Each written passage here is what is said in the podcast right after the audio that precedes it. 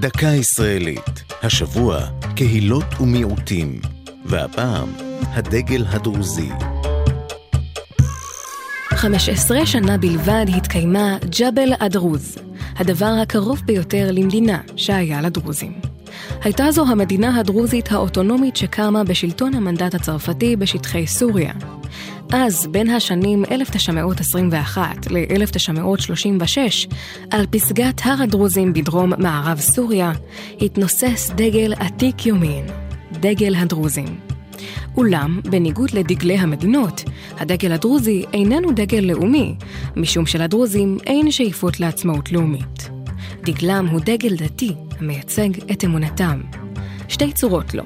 האחת, דגל ובו חמישה פסים צבעוניים, ירוק, אדום, צהוב, כחול ולבן, והשנייה, משולש ירוק, וארבעה פסים של הצבעים הנותרים.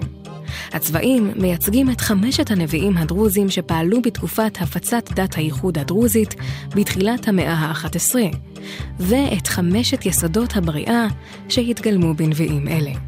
לצבעים השונים נקשרו פרשנויות רבות, וכל גוון מייצג ערכים שונים בדת ובמסורת הדרוזית.